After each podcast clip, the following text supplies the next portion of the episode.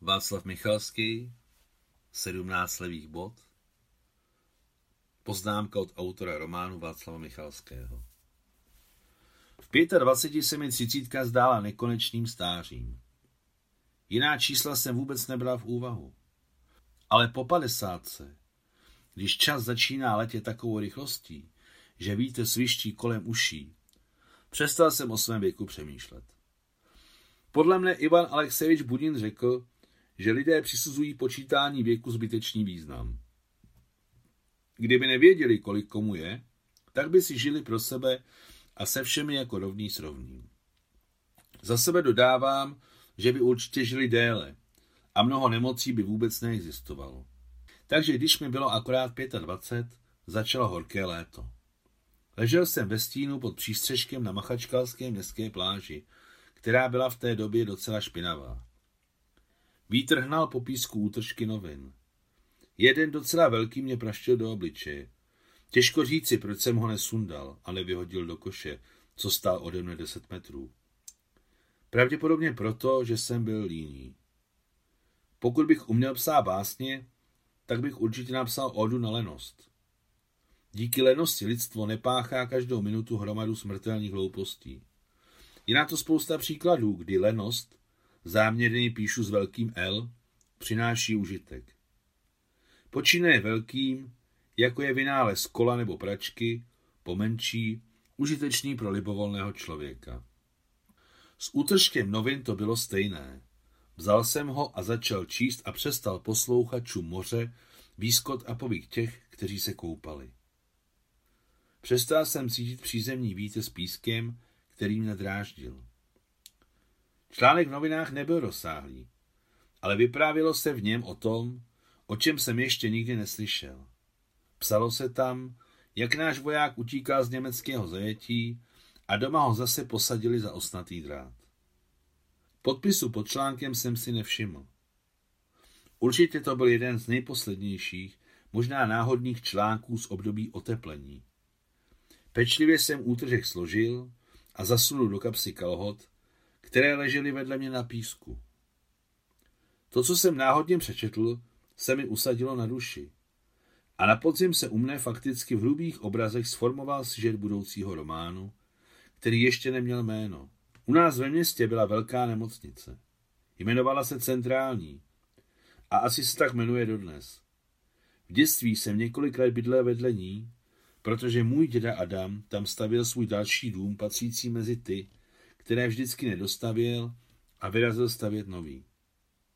V našem městě, jež se nemohlo chlubit přebytkem zeleně, byl pro nás, drobotinu, areál centrální nemocnice veskrze přitažlivým místem.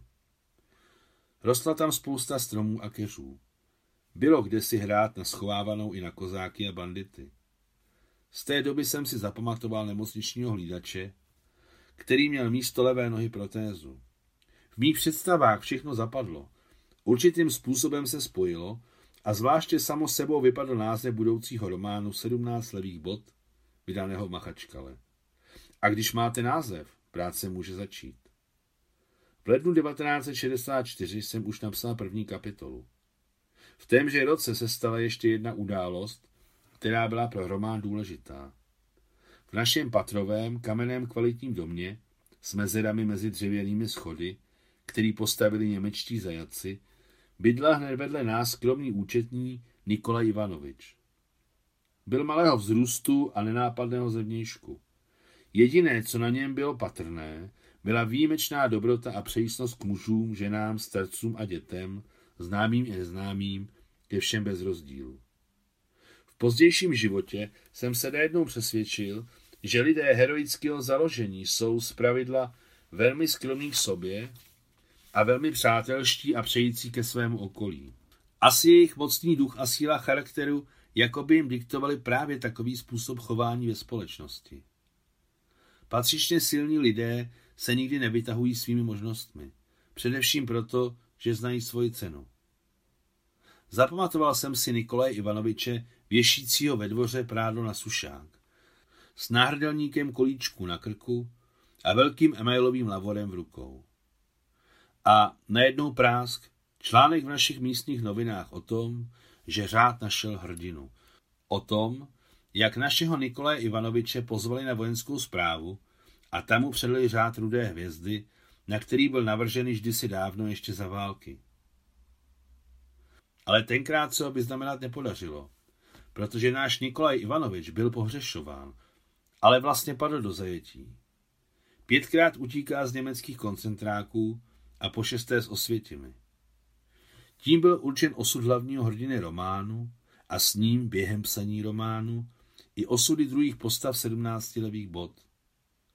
Později mi Nikolaj Ivanovič Maslenikov vyprávěl o Osvětimi a o dalších německých koncentračních a rozřazovacích táborech. To všechno mi samozřejmě pomohlo zpracovat román tak, aby zněl pravdivě. Nechci tu převyprávět svůj životopis, proto se dál nebudu rozšiřovat o práci nad románem 17 levých bod. Řeknu jen, že jsem rád, že je román dosud živý a čtený. Chci poznamenat, že v době, kterou popisuji, pracoval v Sovětském svazu skvělý systém knižní distribuce a tak jsem kvůli románu 17 levých bod, vydaném roku 67 v dagestánském knižním vydavatelství, nákladem 50 tisíc kusů, dostal stovky dopisů z různých částí země. Jsem vděčný všem lidem, kteří mi napsali dopisy tehdy a píší mi dodnes. V roce 1990 ve filmovém studiu A.M. Gorkého natočil režisér Ilya Gurin na motivy románu 17 levých bod dvě filmové varianty. Jednu pětidílnou pro televizi a druhou dvoudílnou do kin. V hlavní roli byl národní umělec SSSR Ivan Lapikov. Film dosud čas od času dávají v televizi a prodávají na videokazetách. A teď, ať chcete nebo nechcete, musíme se vrátit k útočku novin, který mě udeřil do obličeje na Machačkalské pláži a jimž to všechno začalo. Na úplném počátku 80. let, když jsem pracoval v hlavní redakci nakladatelství Sovětský spisovatel, vyměnil se nám šéf-redaktor. Na místo skvělé vydavatelky Valentiny Michailovny Karpovové, která odešla na penzi, přišel absolvent Akademie společenských věd UVKSSS Igor Michailovič Buzilov. Byl to velmi sympatický, dobře vzdělaný člověk z žurnalistiky, přesněji z novin i zvěstia. Seznámili jsme se a tak jsem začal vzpomínat, odkud znám jeho příjmení a s čím ho mám spojené. Hned jsem si nevzpomněl. Ale za týden nebo dva mě náhle osvítilo. Ano, to je autor toho samého článku. Novinový útržek s článkem Igora Buziliova byl tenkrát už ten tam. Ale četl jsem ji vícekrát a zapamatoval si, že to byly noviny Izvěstia, jak bylo natištěno malým písmem dole na stránce. Zapamatoval jsem si jméno autora. Krátce jsem vyprávěl Buziliovovi smysl toho článku a zeptal se, zda není autor. Ukázalo se, že ano. Tak to bylo. Tak před mýma očima její veličenstvo náhoda uzavřela ještě jeden životní kruh. Postscriptum. Den se táhne, ale život letí. Už uplynulo 50 let od vydání mého románu 17 levých bod vydaného v Machačkale. Od prvního dne, co kniha přišla na svět, netrpěla nezájmem čtenářů, ale v literární kritice o ní nebyla ani zmínka. Dopadlo to tak, že první uveřejněná odezva byla publikována po 20 letech. Náleží klasikovi ruské literatury Valentinu Petrovičovi Katajevovi. V předmluvě k mým sebraným spisům napsal Jsem přesvědčen o tom, že mnoha hrdinům Václava Michalského je souzen dlouhý život v srdcích čtenářů a především takovým jako neporažený Alexej Zikov z románu 17 levých bod, stará horelka Patimat z balady o staré zbrani a překrásná ruská dívka Kátěnka ze stejnojmené povídky.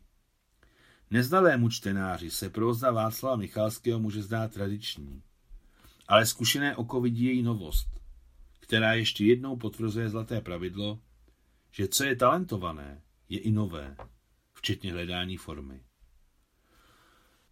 Mnoho lidí mi po přečtení 17 levých bod psalo dopisy. Je potřeba říci, že jsem si vždycky těch živých ohlasů cenil.